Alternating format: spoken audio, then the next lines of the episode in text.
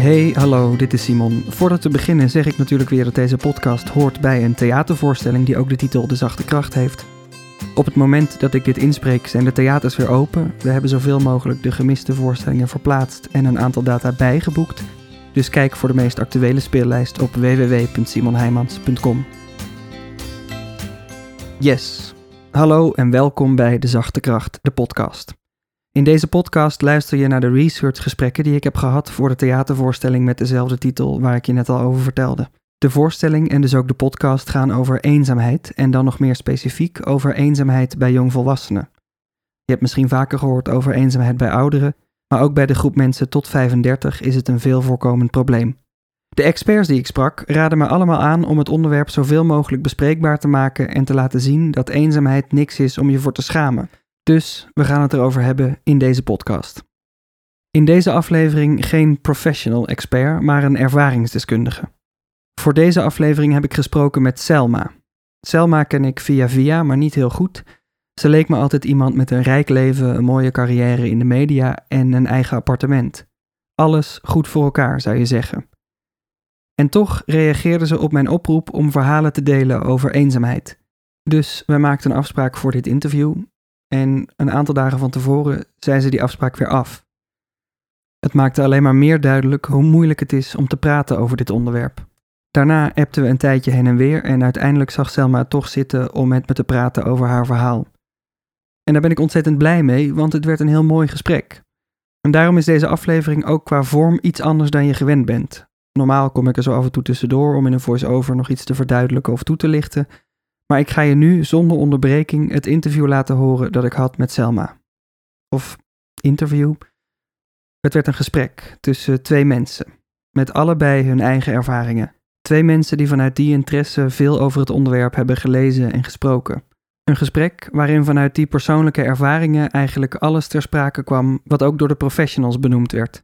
Een gesprek van twee mensen die op de tast proberen een probleem te duiden dat gigantisch is en bij vlagen heel dichtbij. Ja, we gaan het hebben over eenzaamheid. En je reageerde op mijn Facebook. Nee, op, op, op, op, op dat was niet Facebook, maar dat doet er niet toe. Ehm, dat je er ook wat een en ander van wist. Hoe, hoe komt het dat je er wat van weet? Um, nou, ik heb er zelf uh, best wel veel mee te maken gehad in mijn leven.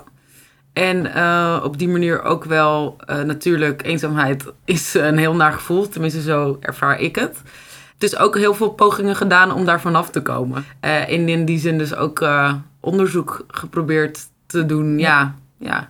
En je, ik stel aan iedereen de vraag, waar zit ja. eenzaamheid in je lijf? Jij wees net al iets ah, aan. Je wees ik wat aan? Oh, dat was onbewust. Zo. Oh ja. Naar je hart. Deed ik dat? Ja. Oh, oh dat, dat had ik niet eens door. Gevoel. Toen naar je gevoel, hart. ja. ja. Um, zit, het in je, zit het in je hart? Het gevoel mm, eenzaamheid? Ja, en in mijn keel denk ik ook wel. In je keel? Ja. Het is, het is ik denk dat het, uh, ja, zeker ook wel mijn hart. Ja, ik, ik probeer het nu even ja. terug te halen hoor. Ja, ik denk dat het gewoon in deze, uh, ja, dat kan je dan niet zien. in de, zeg maar, ik wijs nu mijn hart uh, en mijn keel aan, zeg maar, die, die regio, zeg maar. En is het pijn? Wat voor soort gevoel is het?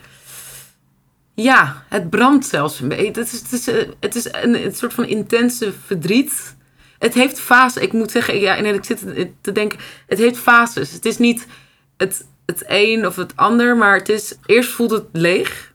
En dat voelt in je lichaam, denk ik, ja, echt fysiek hol. En daarna komt, komt het verdriet, denk ik. En dat doet echt pijn. Dat, dat, dat kan echt pijn doen en dan echt in mijn keel. Dan knijpt het zich dicht en dan brandt het gewoon bijna. Zo zou ik het, denk ik, uh, kunnen omschrijven. En het begint hol, zeg je. Herken je dat begin? Herken je dat holle gevoel inmiddels? Ja, ik voel het ook soms uh, wel opkomen wanneer ik. Het, maar ik vraag me dus af of dat ook een beetje de angst is voor de eenzaamheid. Dat ik ook al denk van oeh, het zou vanavond wel eens kunnen gebeuren, zeg maar. Ja. Ik voel het misschien meer in gedachten opkomen. Dan, dan ga ik namelijk denken van, uh, dit is een beetje een angst. Dan, dan ga ik denken van, oh, uh, straks is er weer, moet ik iets doen. Dus eigenlijk een lichte paniek. En dat herken ik niet als paniek. Dat denk ik nog steeds van, oh, daar heb ik gewoon controle over. Dan ga ik gewoon met iemand afspreken. En, maar ik merk toch dat ik dan langzamerhand eigenlijk een beetje bang ben voor de leegte van straks. Op een moment dat ik het voel. Dat is zo raar. Dat, is, dat kan gewoon opeens er zijn. Maar dat heeft denk ik wel vaak te maken met dat ik denk dat ik dan geen afspraken heb. Of waar ik dan toch wel behoefte aan heb. En dat dat me dan niet lukt om, om een avond te vullen, bijvoorbeeld. Dan ben je altijd eenzaam als je alleen bent? Nee. Ik kan ook wel eens alleen zijn en me goed voelen. Dus het gaat om, om het moment dat je wel alleen bent, maar behoefte hebt eigenlijk aan een afspraak of iemand zien of iemand anders in je buurt. Ja, dan, dan komt het op. Als ik er eigenlijk behoefte heb. Maar wat ik zelf ook heb geleerd is. Ik denk dat ook vaak. Maar ik vraag me ook wel eens af. En ik ben zelf denk ik nog steeds uh, aan het onderzoeken. En ik denk dat het ook forever zal blijven. Want eenzaamheid is zo moeilijk te vangen wat het nou is. Dat ik ook misschien iets wil opvullen op zo'n moment.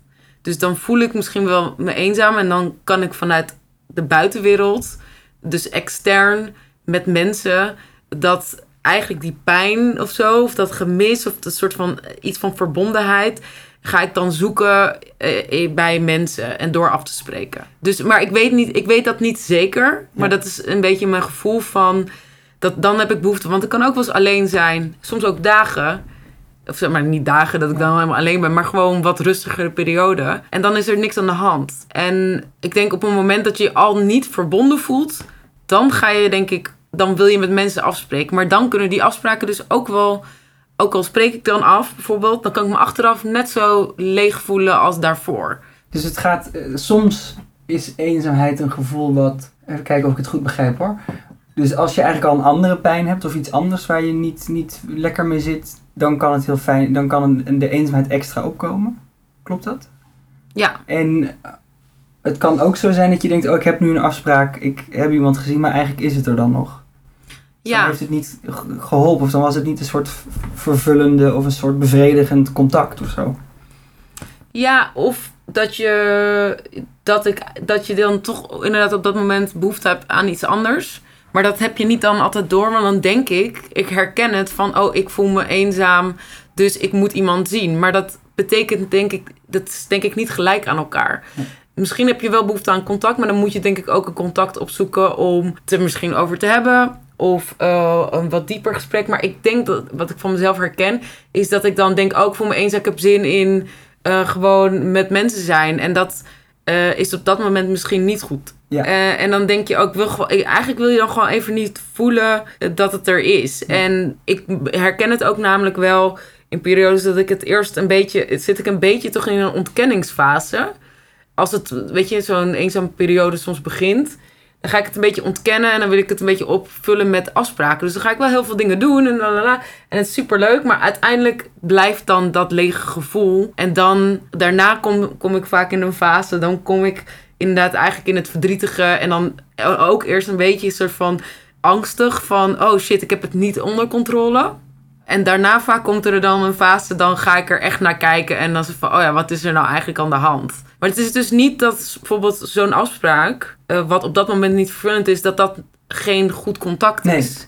Want dat kan ook op sommige momenten heel leuk zijn. Weet je, wel vervullend zijn. Maar misschien op dat moment zoek je het. Het is net als eten bijvoorbeeld. Even gek voor. Of alcohol. Of welke verslaving dan ook. En niet dat vrienden een soort van verslaving zijn, maar dat je dan, je kan eten omdat je het lekker vindt, maar je kan ook gaan eten of alcohol drinken om maar iets weg te stoppen. Terwijl ik, ik hou wel van, van een glaasje wijn, maar als je bijvoorbeeld dat doet om het weg te maken, dan, dan vervult het niet en voel je er juist alleen maar een soort van leger door. Dus daar vergelijk ik het misschien mee. Weet je wanneer je voor het eerst zo'n eenzame periode had? Weet je dat nog? Nou, ik denk dat ik het als kind wel ook eerder heb gehad, maar de eerste periode dat ik er echt onder leed, was toen ik 16 was. Toen heb ik echt een, echt een hele eenzame periode gehad. En ik denk ook dat dat jaar, zeg maar, dat dat zo bepalend is geweest voor de eenzaamheid die ik nu nog steeds voel. Ja? Ja, dat, dat was zo, dat was zo, dat was zo pijnlijk ik weet, ik heb daar echt een, voor mijn gevoel denk ik een beetje een trauma aan overgehouden. Zo eenzaam voelde ik me. En uh, dat gevoel komt dus, ja, daar blijf ik denk ik gevoelig voor. Ja. En wat was aan de hand rond je 16 dat dat gevoel er zo, of dat je zo eenzaam werd?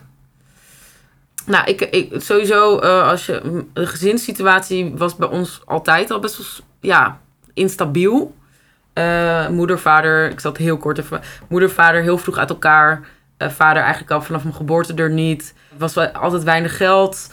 mijn moeder die heel veel moest werken. had, ik had nog een broer en zus, dus die had ook haar handen vol. ze had letterlijk twee banen, dus ze was ook weinig thuis. Ik was de jongste en ik had een oudere broer en zus.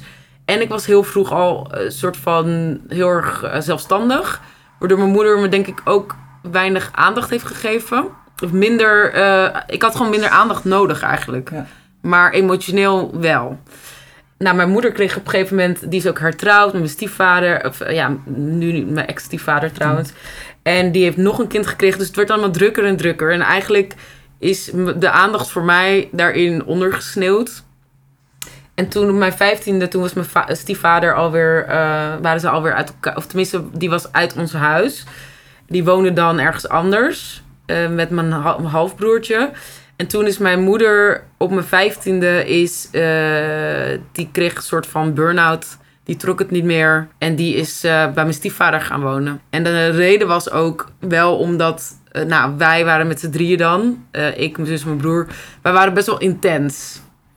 ook, ja, dat heeft allemaal gewoon met de jeugd te maken. Met vader, nou ja, goed, allemaal dingen. En mijn moeder die trok dat gewoon niet meer. En die is op de een of andere dag is toen vertrokken.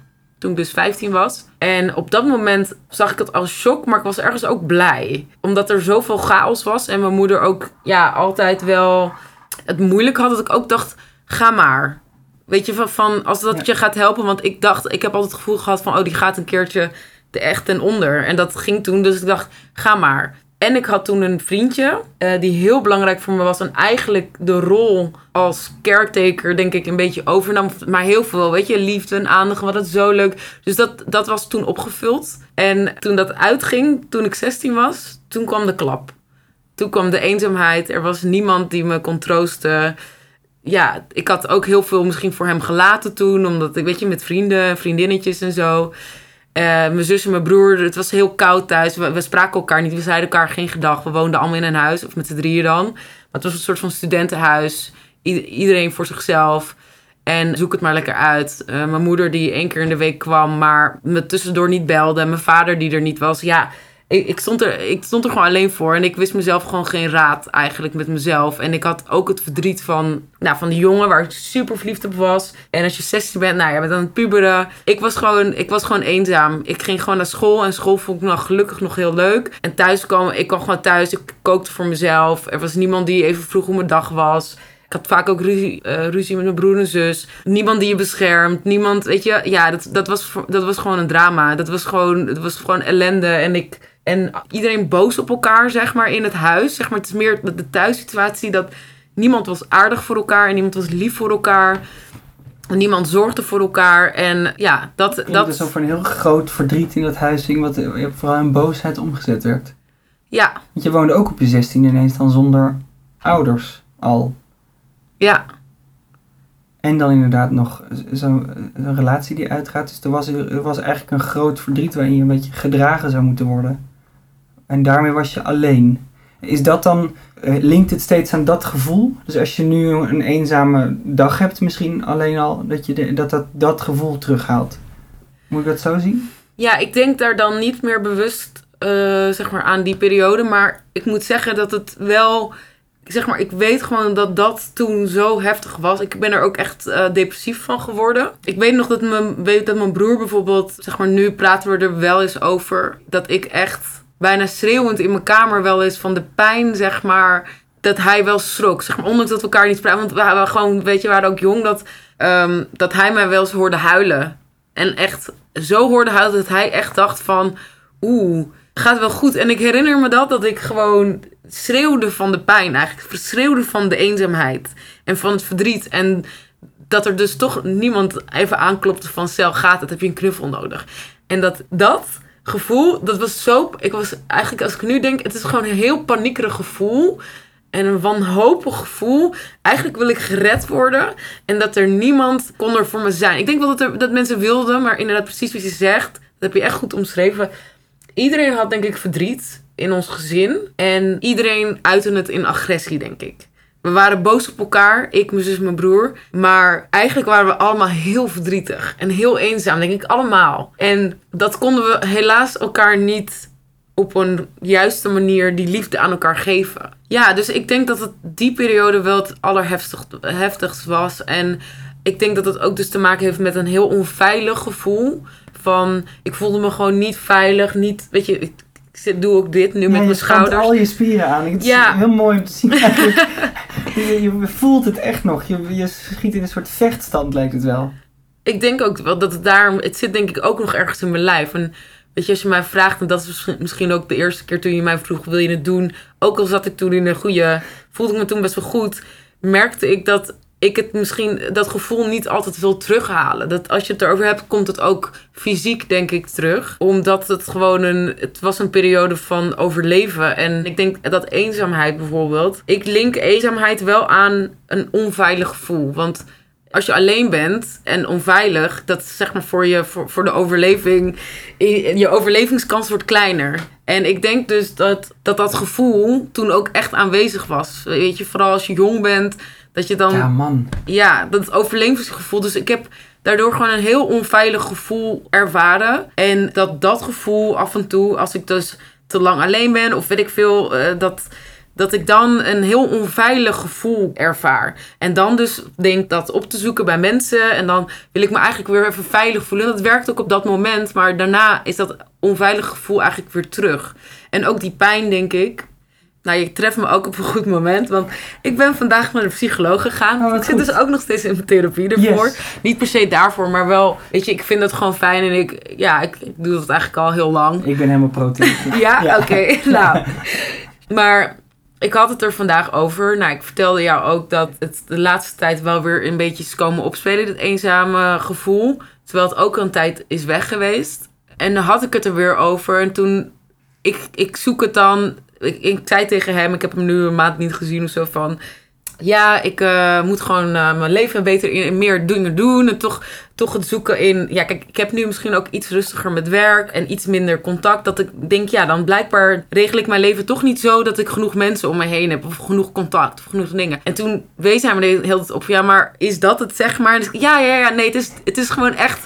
Ik moet gewoon uh, meer contact hebben. En ik, maar, maar aan de andere kant, als ik kijk naar mijn leven, ik heb superveel contact. Ik heb superveel vrienden, ik zie superveel mensen. Dus dat kan het ook niet zijn. En ik geloof misschien wel met werk dat daar nog net iets meer stabiliteit en contact kan. Maar uiteindelijk weet ik ook als ik dat wel heb, dat het er ook kan zijn. En toen kwamen, kwamen we er wel weer op terug van dat ik toch die pijn van toen en dat gemis van die warme deken en dat gemis van van liefde eigenlijk. En dat er iemand is. En nu nog steeds. Want het contact met mijn ouders is eigenlijk nooit.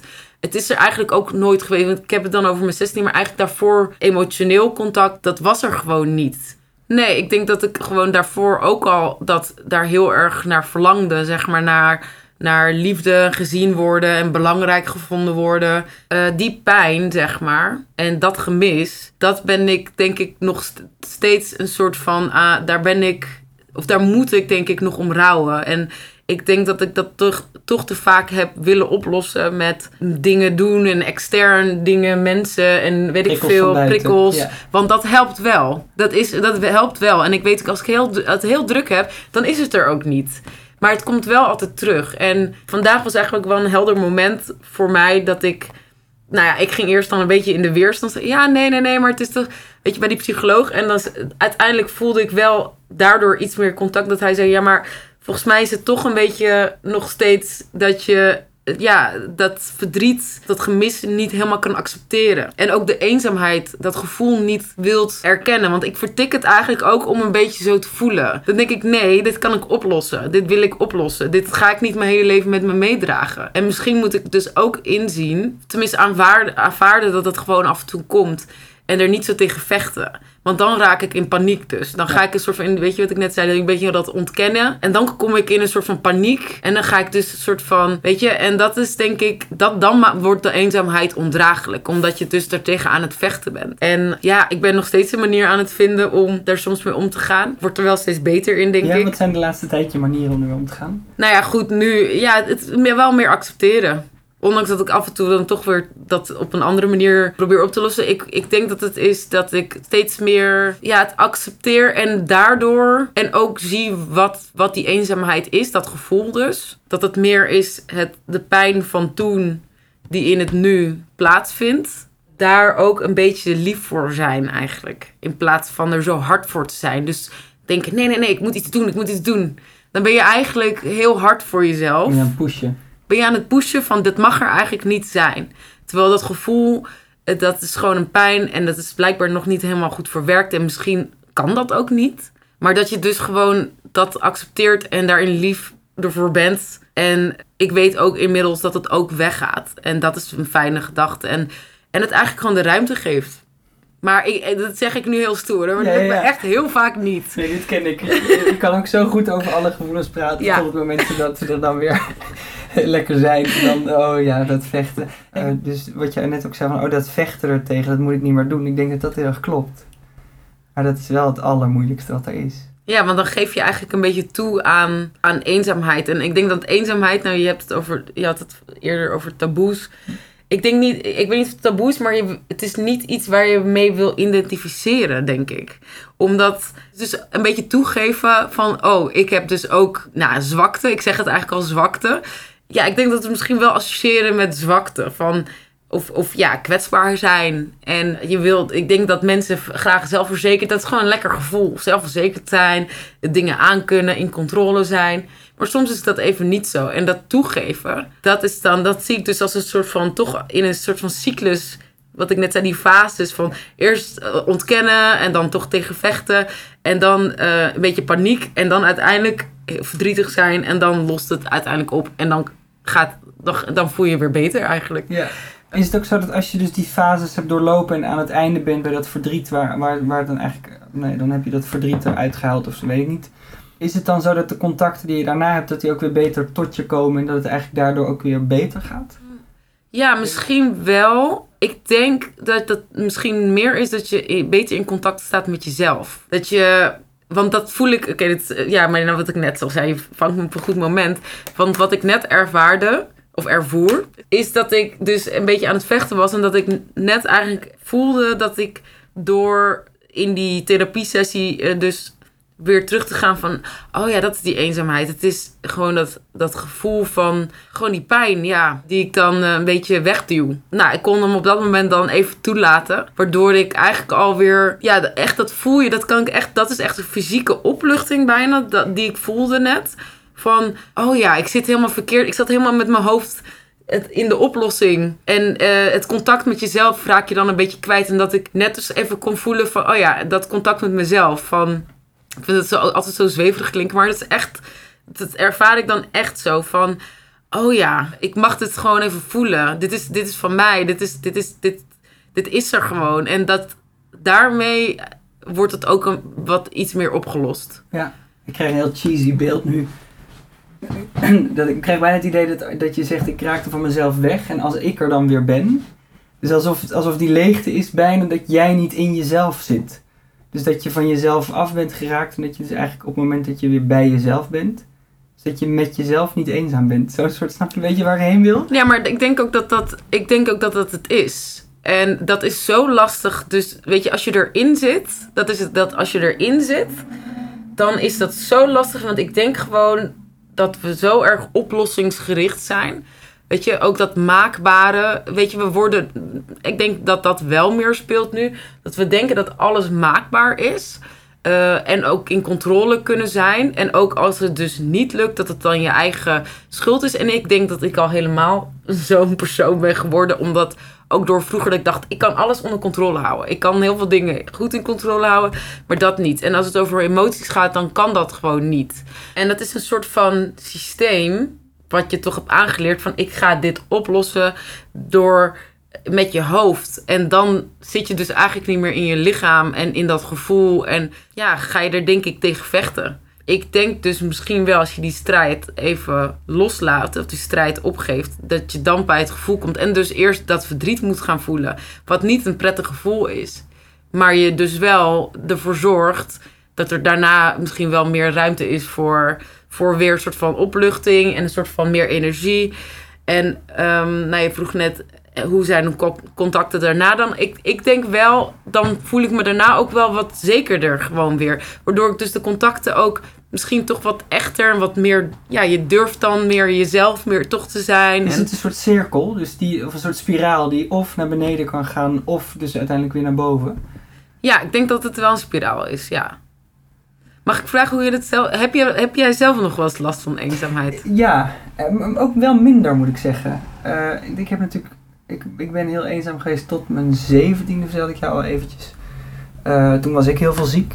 En dat, dat was praktisch gezien, uh, ja, komt dat dan echt... Ik was allergisch voor gras, dus ik kon niet op oh. voetbal met de rest van de jongens. Ik moest elke week naar het longziekenhuis om mijn longen te laten checken. En, en dan ben je ineens dat jongetje wat elke week uit de klas mag. Dat dat dan voor het ziekenhuis is, dat doet er dan niet toe. Want je bent, je bent gewoon die lul die elke week ja. weg mag. Dus ik, ik heb best een lange tijd eh, ben ik heel eenzaam geweest. Ik, ik heb ook lang therapie gehad om een aantal dingen uh, die denk ik ten grondslag lagen aan wat zich uiteindelijk uitte in eenzaamheid op te lossen. Maar ik heb wel het gevoel dus alsof ik het inderdaad nu iets meer. Het, het is al een tijdje niet. Gelukkig. Dus het is al. Ik, ik heb denk ik. Ik heb wel ook. Ja, ik heb wel lang gezocht naar de goede vrienden.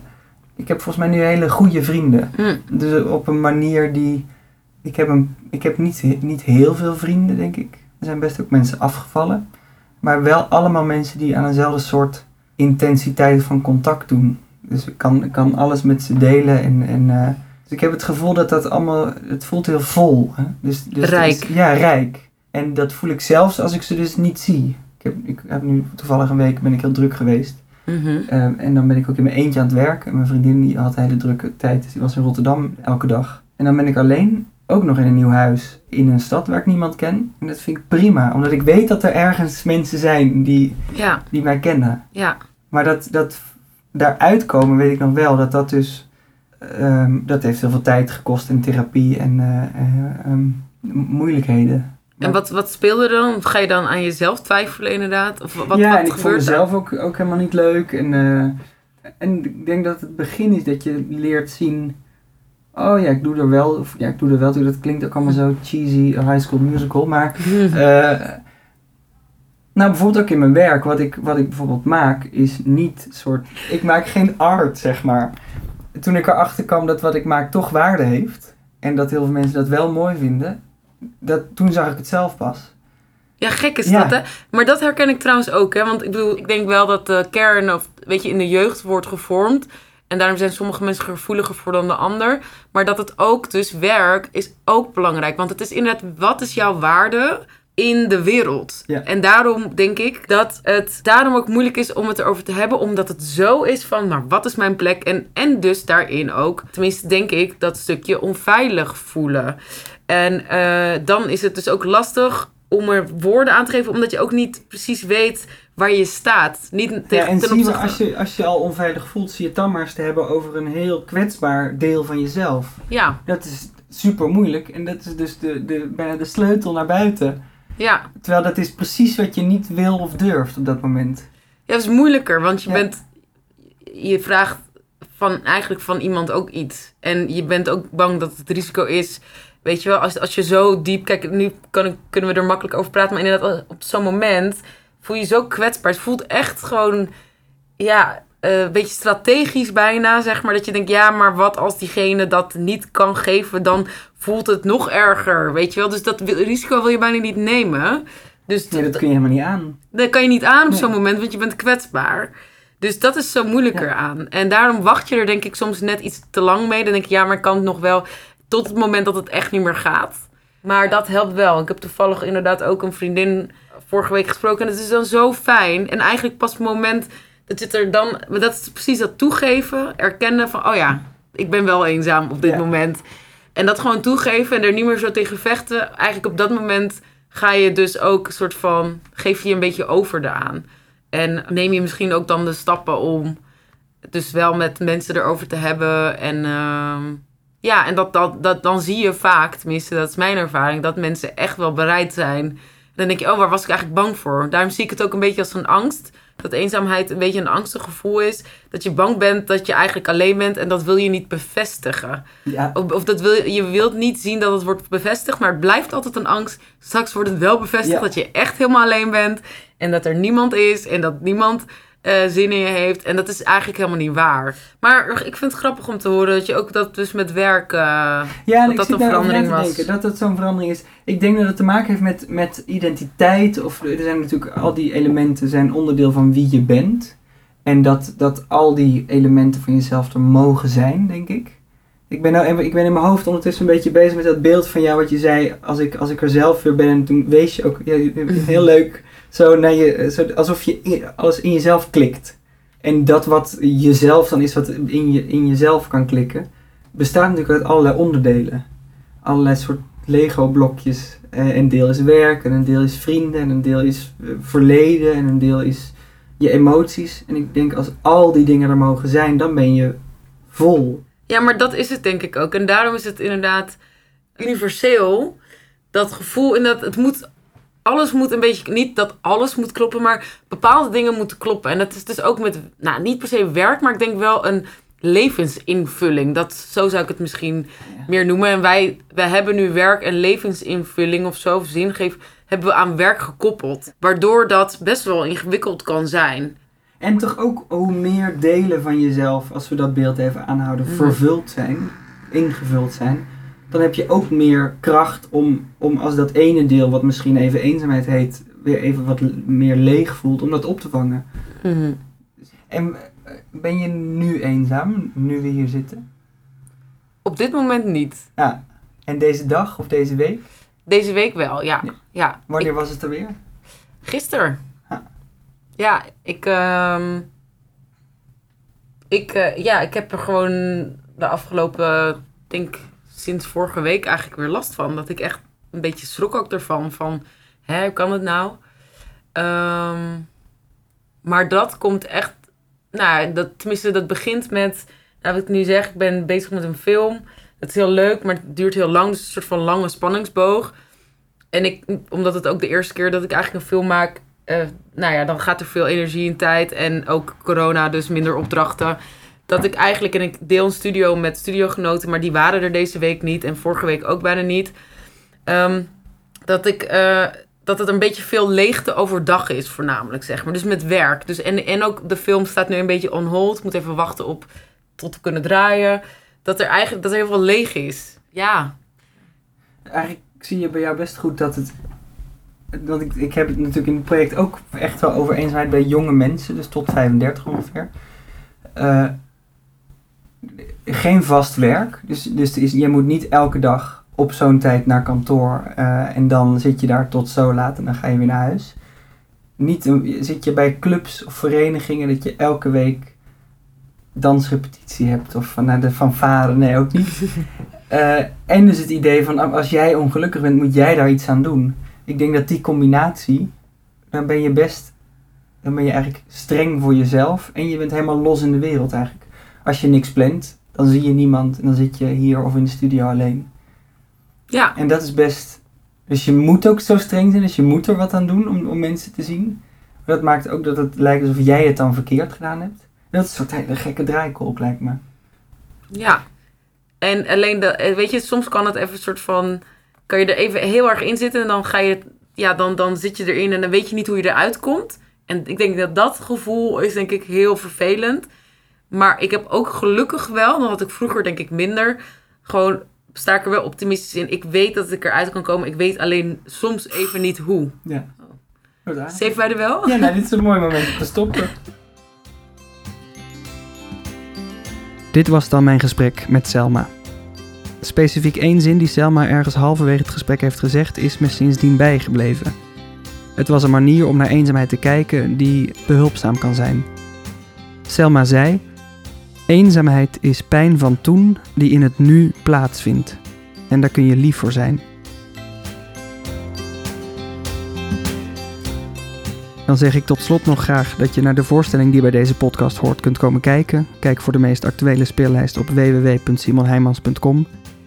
En heb je zelf last van eenzaamheid? Weet dat je terecht kunt bij je huisarts. Of bij een organisatie als Join Us, Zij helpen jongeren om om te gaan met eenzaamheid. Kijk voor meer informatie daarover op join-us.nu.